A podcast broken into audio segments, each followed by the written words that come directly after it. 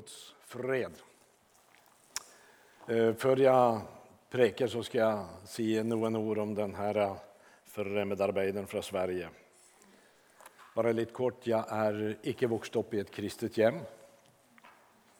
Jag har aldrig sett min far, Och mor ville inte ha mig. Du skjønner, jag var bara en olycka i motsättning till de andra i klassen min. Jag fick tydligt vite att eh, världen hade varit mycket bättre om inte jag var född.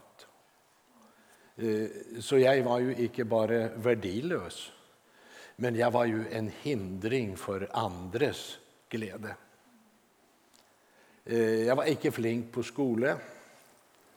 Det enda jag var flink på, det var att vara värre än andra och fann min identitet på gatan och blev som 17-åring dömt till två år. Men 19 år gammal så mötte jag evangeliet. Praise the Lord. Du ser, det politi och psykologer icke grejde på två år, det gjorde Jesus på två dygn. Och så kan världen si vad de vill om Gud. Jag vet på vem jag tror. Jeg vet hvem det var som reiste meg opp. Men ikke bare det har bevart meg gjennom livet. Vi skal sende enda ett telegram opp til Hovedredningssentralen. Vi takker dig, Herre, att det finns en räddningscentral som är dögnåpen. Och vi tackar dig för att du har makt att förvandla människors liv i dag. For du er ikke bare en Gud vi snakker om i radio- og TV-program, men du er en oppstanden frelser som er i virksomhet. Og så vet du, Jesus, jeg er like hjelpeløs i kveld som før. Men du som drev oss ut, får stille med nistepakka. Så ber jag, Herre, att du rätt igenom min brist och skröplighet skulle la noe av din herlighet lyse fram. Det ber vi i Faderns och Sonens och Den helige Ons namn. Amen. Vi ska begynna med att läsa någon vers i Efesierbrevets första kapitel, från vers 17 til 19 i Jesu namn. Jag ber om att vår Herre Jesu Kristi Gud, härlighetens Far, må gi dere visdoms- og åpenbaringsånd til kunnskap om seg, og gi deres hjerter opplyste øyne, så dere kan forstå hvilket håp han har kalt dere til, og hvor rik på herlighet hans arv er blant de hellige, og hvor overveldende stor hans makt er for oss som tror. Det är virksomheten av hans väldige kraft. Amen. Paulus ber om att Gud ska ge våra hjärtan upplysta ögon. Det vill säga ögon som är berört av Gud. Det handlar om något mer än den naturliga syn. Det handlar om en gudomlig inngripen. Han som ger visdoms- och åpenbaringsånd, säger han, så vi kan förstå det hopp vi är kallt till. Alltså, vi, vi förstår inte det hopp vi är kallt till utan uppenbaring. Vi gör inte det. Det är något vi må få öje på, säger Paulus. Och Det är nämligen vår överväldigande stor hans makt är för oss som tror. Det enda bättre översatt i den svenska folkbibeln. För där står det uttryckt slik hur oerhört stor hans makt är i oss som tror, fordi hans väldige kraft är virksom. Kraften är Guds, men den virker i oss. Men för att det ska kunna ske, så må ju ordet och Onden få plats i våra liv i vardagen. Ellers blir vi fylt av alt mulig annet, og så kommer Gud på sisteplass. Hvor overveldende stor hans makt er i oss fordi hans veldige kraft er virksom. Vi skal bla fram til Efesene 3, och läsa från 16 där. Jag ber om att han efter sin härlighets rikdom ved sin ånd må ge dere och styrkes med kraft i det inre mänske. Att Kristus må bo vid troen i deras hjärter för att dere rotfästet och grundfästet i kärlighet samman med alla de helige kan vara i stand till att fatta vad bredde, längde, höjde och dybde här är. Och att dere må känna Kristi kärlighet som övergår all förstand och kunskap så det kan bli fyllt av helig Guds fylde. Men han som kan göra mer än allt, långt utöver det vi ber om eller förstår, efter den kraft som är virksom i oss. Han vare ära i menigheten och i Kristus Jesus genom alla släkter. Amen. Alltså han som kan göra mer än allt. Lägg märke till vad det står. Han som kan göra mer än allt. Långt utöver det jag ber eller förstår efter den kraft som är virksom i oss. Tror du det? Alltså, vi må minna varandra om det. Det handlar icke om en religion. Men det handlar om en livsförvandlande kraft. Och den kan inte efterlignas. Hvis du icke har upplevt mötet med Jesus och blivit berörd av honom och ändå later som allt är i orden då må du huske det är icke de andra du bedrar. Det är dig själv, för det är du som får räkningar på slutten. Alltså, vi snackar om ett livsförvandlande evangelium. Det kan göra mer än vi ber eller tänker. Och då går mina tankar till när jag gick syvende klass på skolan. Några år efter jag blev frälst mötte jag en som gick i samma klass. Och hon fortalte att en gång så var det en god del kristna i klassen. Och på langfri på, på, på fredag vid, vid, vid lunchen så hade de bönemöte och bad för oss andra hedningar. Men, sa hon, Eh, jag må innrømme, sa han, vi ba ikke for deg, for vi trodde ikke det nytta. Nej, Nej alltså, det får vara gränser man vi må förvänta. Men ser du, det var tre gamla damer, pinsedamer i bygda. De tänkte inte så. De såg hur det gick med det här eländiga krypet. Och så sa de, han ska vi be för. Och så begynte de. Och så möttes de varje dag, sex dagar i uka, möttes de klockan tolv och bad för den här typen. Och när de hade bett i tre år blev de bönhört. Mm. Tänk. Vi får se hur länge rösten håller ikväll, men hon har lovat att präcka vissa sprickor för mig. Men alltså, Paulus säger lovet vare Gud som har välsignat oss med all åndlig välsignelse i himmelen.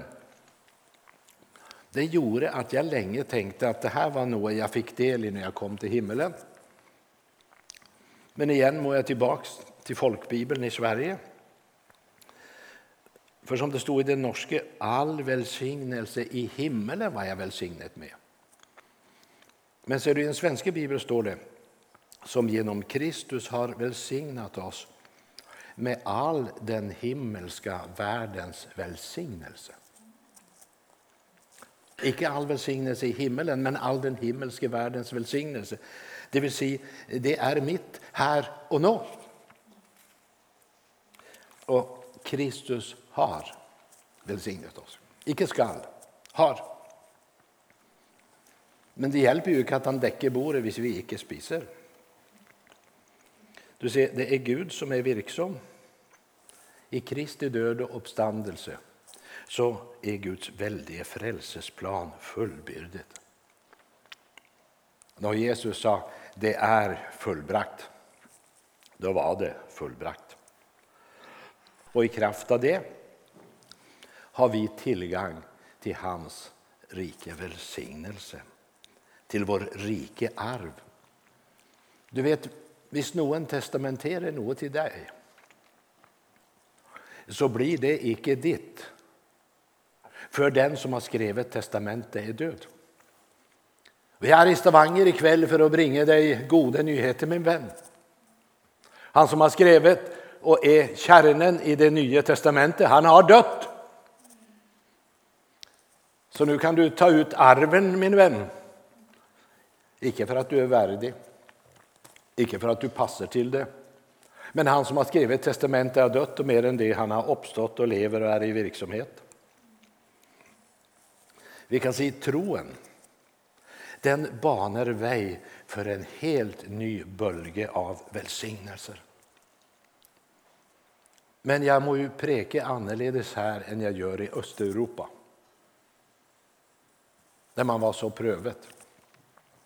För när jag säger välsignelser må jag här i västvärlden se att välsignelse det betyder ikke bara slike ting som føles godt og kjennes godt, og som är behagelig och lyst, eller noe som löser alla problem.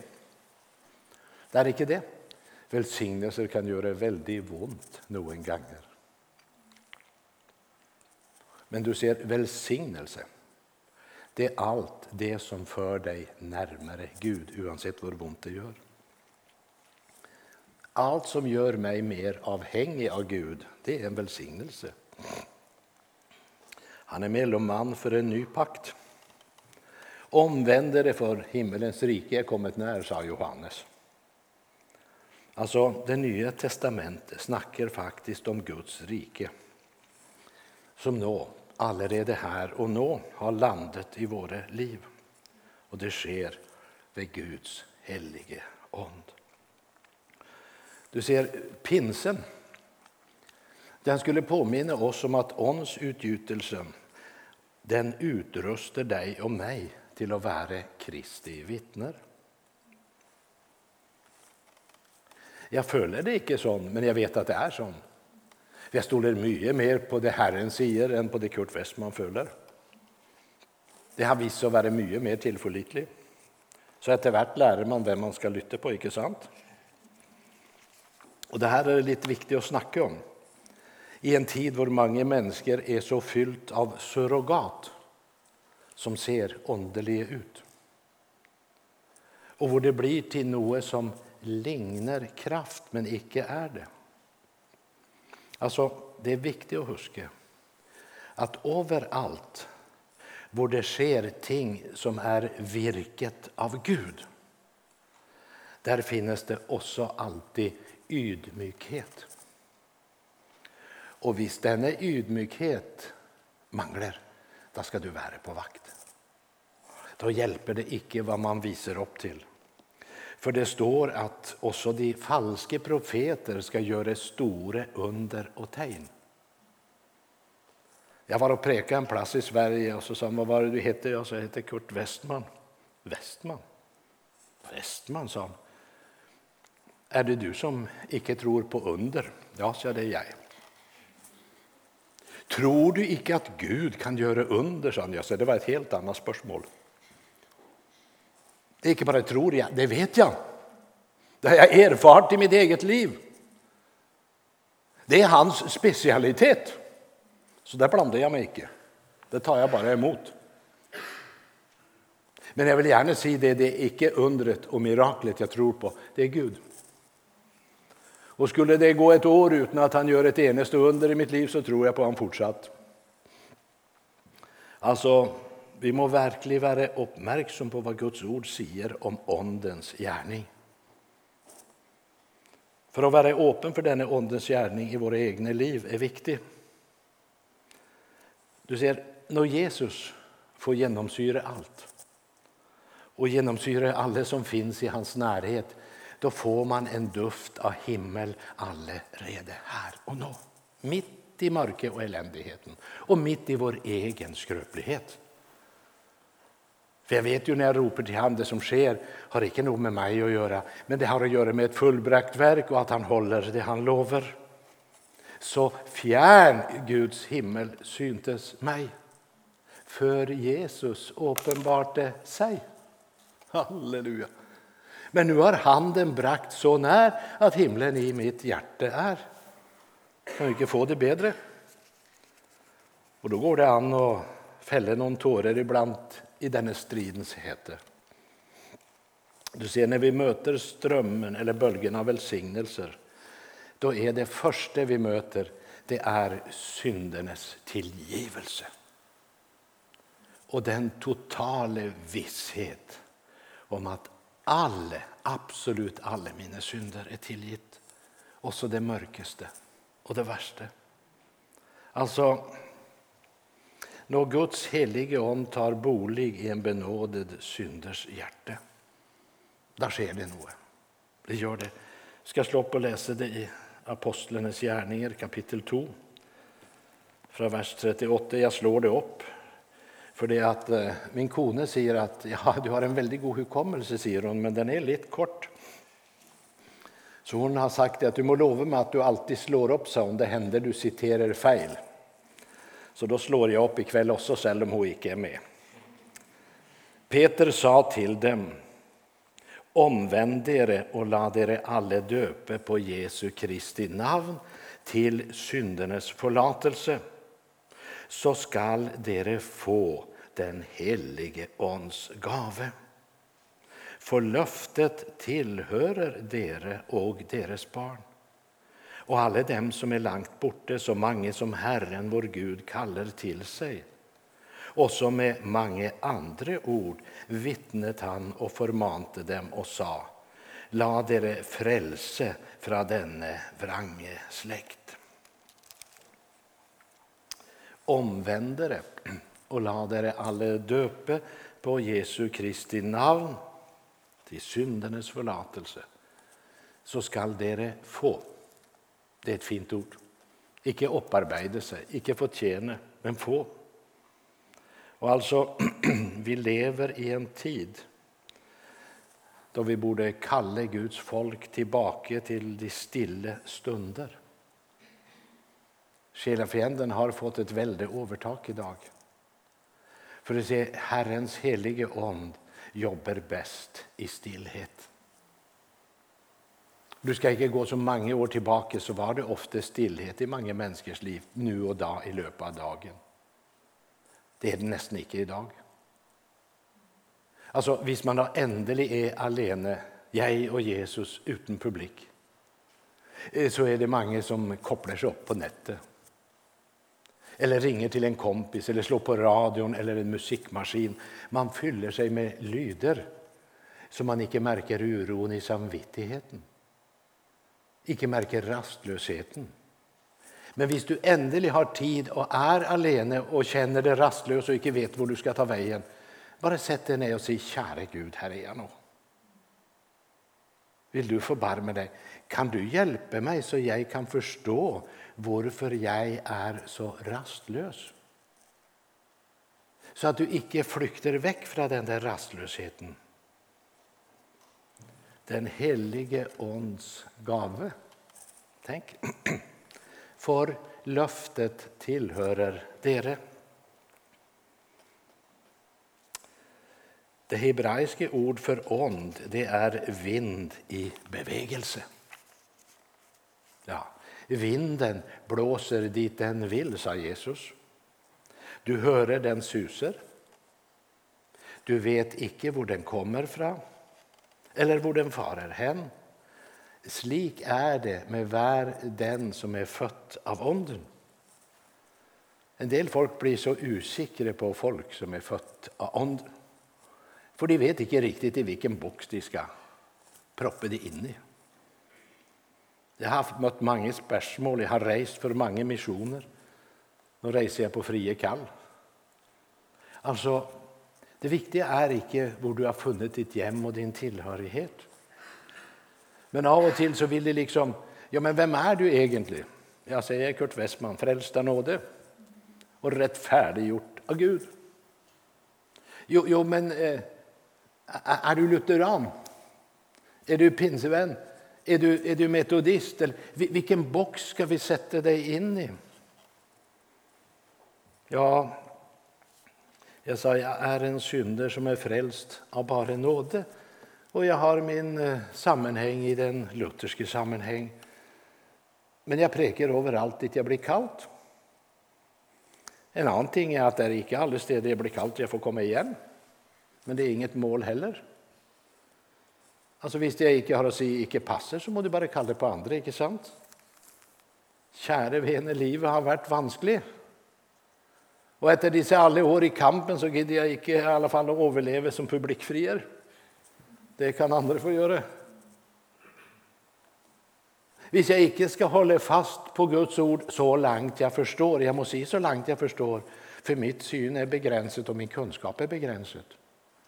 Och ibland må jag korrigera något jag har sagt för någon visar mig något. Men alltså en ting vet jag, Guds ord står fast. Det gör det. Du ser, Guds lov den är bara problematisk för de människor som är i upprör mot Gud. Dere är mina vänner där som dere gör det jag pålägger dig, säger Jesus. Jag repeterar, det vi driver med är icke religion men ett livsförvandlande evangelium. Du ser, evangeliet är den dag idag en Guds kraft till frälse. Evangeliet, icke kyrkan, icke organisationen, icke predikanten. Evangeliet. Och därför ska vi hålla oss till det, för det är en Guds kraft till frälse. Och har vi icke den sannheten klar för oss alltid, där vill orden i Andra Korinterne 12 om min nåde är nog för dig lätt ände i resignationsteologi och motlöshet istället för troens kraft och vila. Alltså ett av de ord jag oändligt ofta har hört citerat i menigheterna det är dessa ord. Min nåde är nog för dig och så detta att kraften blir fullendt i skrøpelighet. Men det må jo være noe som er rivende galt et sted. For det virker jo som om dette veldige ord Så det som er blitt igjen i fokus, det er skrøpeligheten.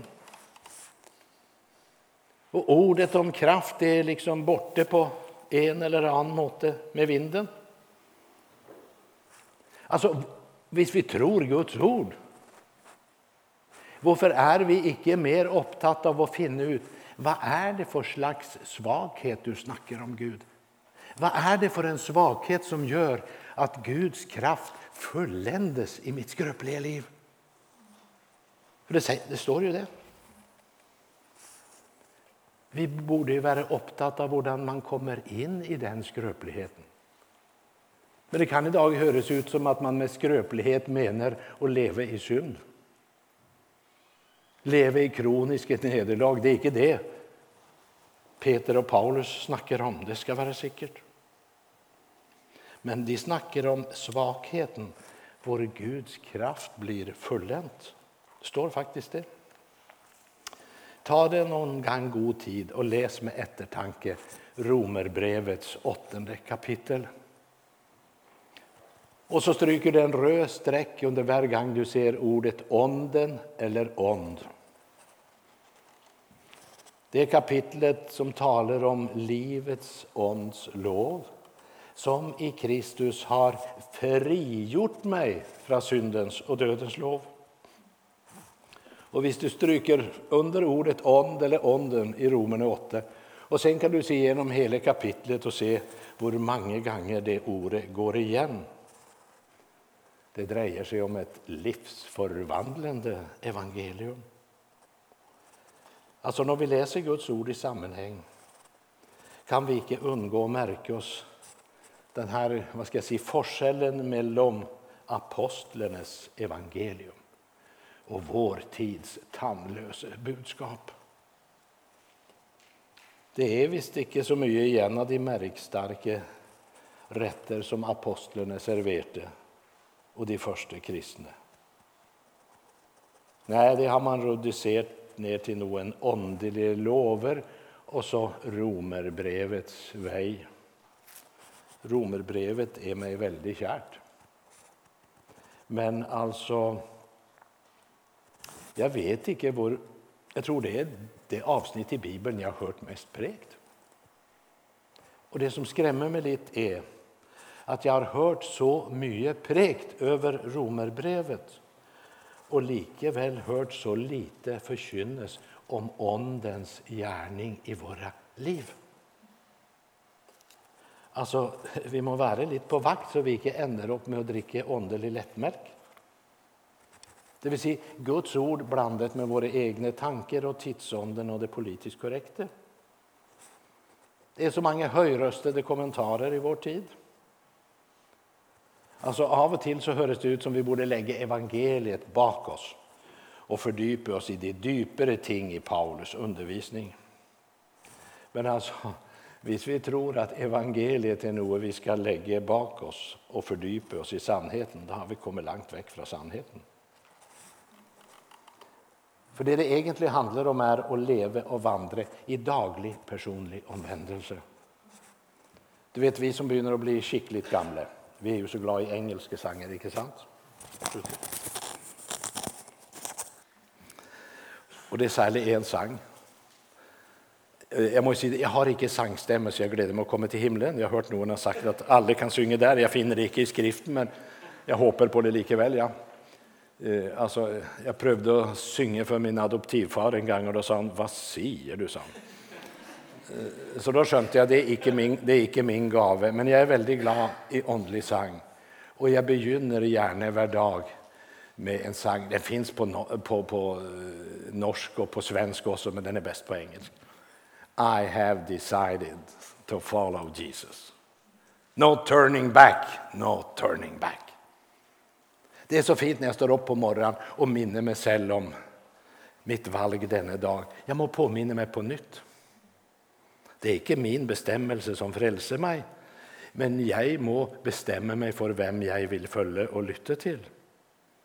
Trons liv handlar inte om det ögonblicket vi blir omvänt bara, men som jag sa, den dagliga omvändelse och förnyelse. Leve i troens atmosfär leve och vandra för Guds åsyn. Det är viktigt vänner att vi har en uskadd samvittighet. Problemet är bara, och smärtan är mitt i det här, när du lever där i lyset daglig så kan det hända att onden avslöjar någon städer i vårt hjärta där det begynner bli lite mörkt. Vår samvittigheten blivit är förslöet och accepterar synd. Onden kanske visar områden där vi har fallit. Och så ser vi plötsligt något vi inte var vakna för.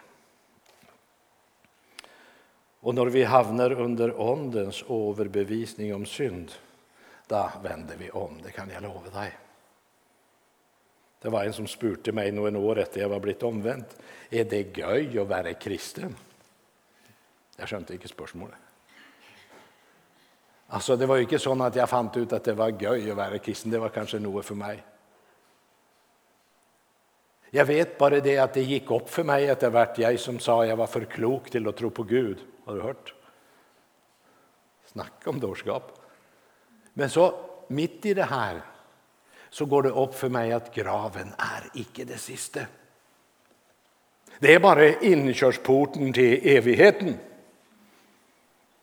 Och det stod icke grejt till med mig inför det mötet. Ja. Och då skulle jag pröva att omvända mig. Jag vet inte om du har prövat på det. Det gick i alla fall väldigt dåligt för mig. Men du ser det att när du då inser att du hänger i en tunn tråd ovanför ett brinnande helvete och du vet inte när tråden ska brista Då spör du inte om det är göj att bli en kristen.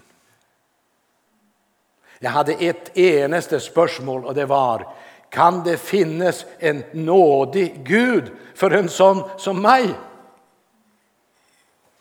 Det var där Jesus kom. Han kommer till de psyke, känner du. Med sin helige och sin förvandlande makt. Vi må ta vara på Guds ords förmaningar i den avtals, avfallstid vi lever i.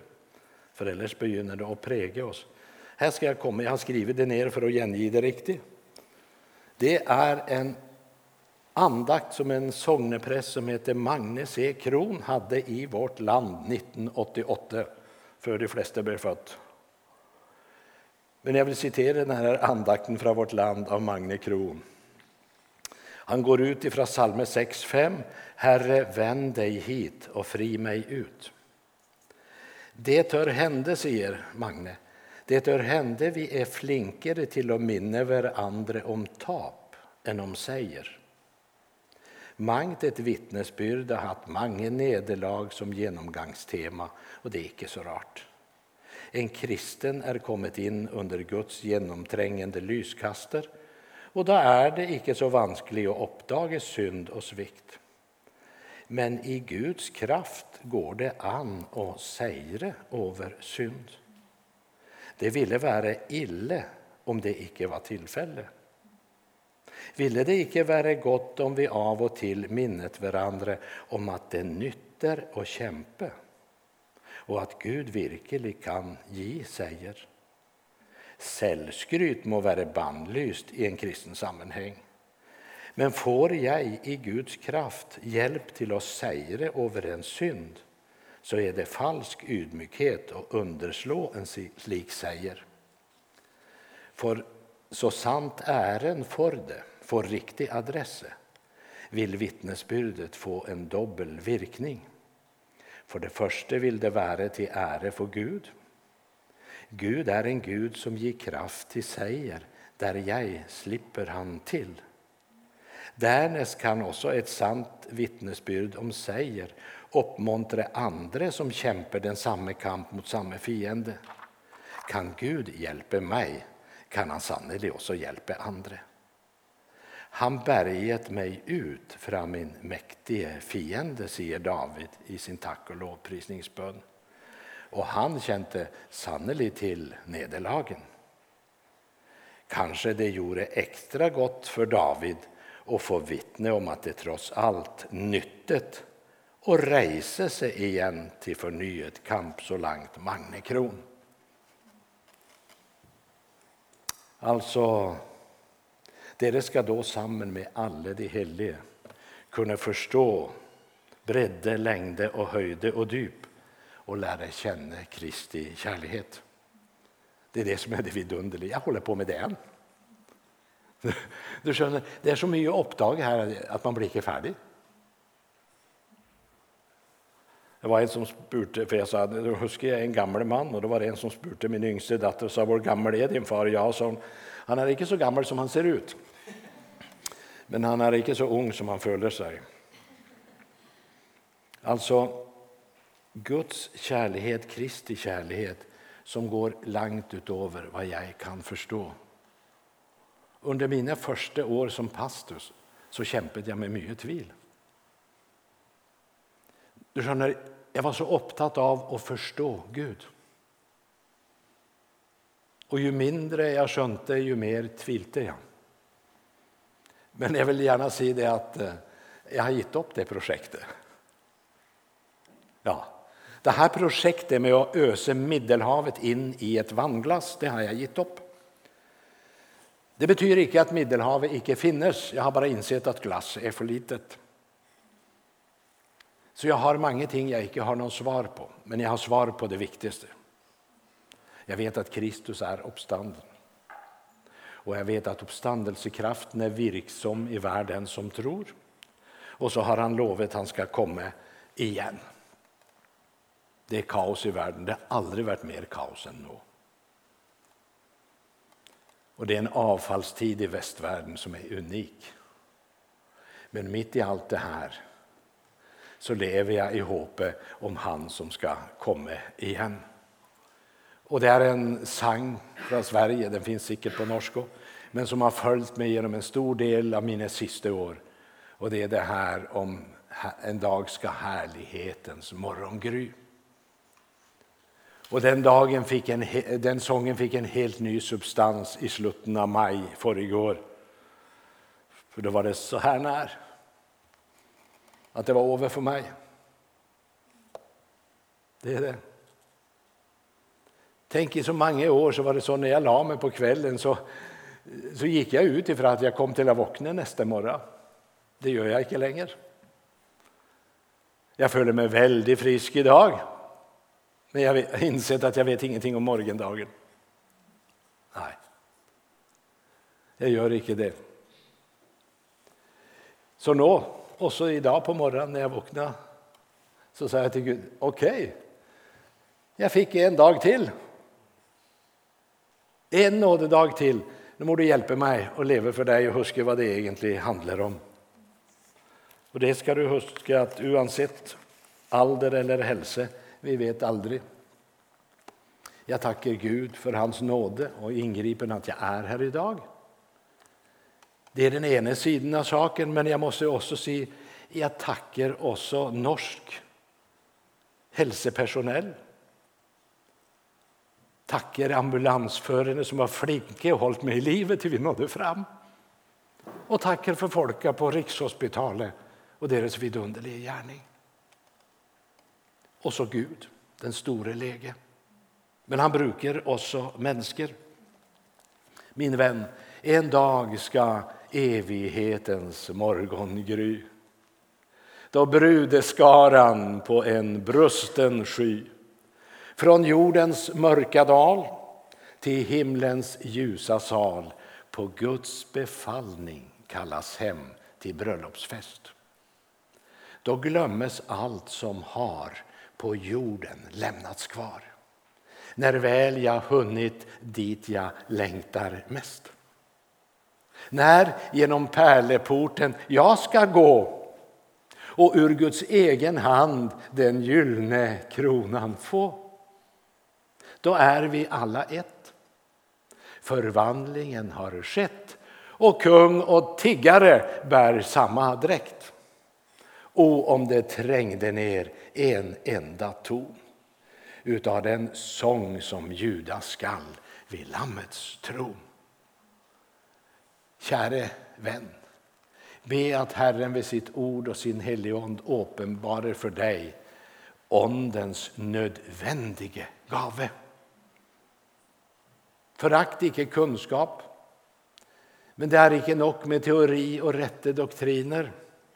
Det må uppenbaring till. Det må ett mirakel till för var och en av oss. Och jag får tacka Gud att jag har sett det idag. Att han döde för mig. Han uppstod för mig och han ska komma igen. Det är ju länge sedan man brukade den här I have decided to follow Jesus. Kan vi synga den? Beklagar om jag ödelägger hela upplägget här. Men ellers eh, det är inte nödvändigt. Det var bara ett infall jag fick. Jag plejer att vara många de för mig. Eh, men tack ska ni ha att jag fick komma till Stavanger och dela det här med er. Och husk att detta löfte tillhör dig. Låt det icke gå dig förbi. Gud är god.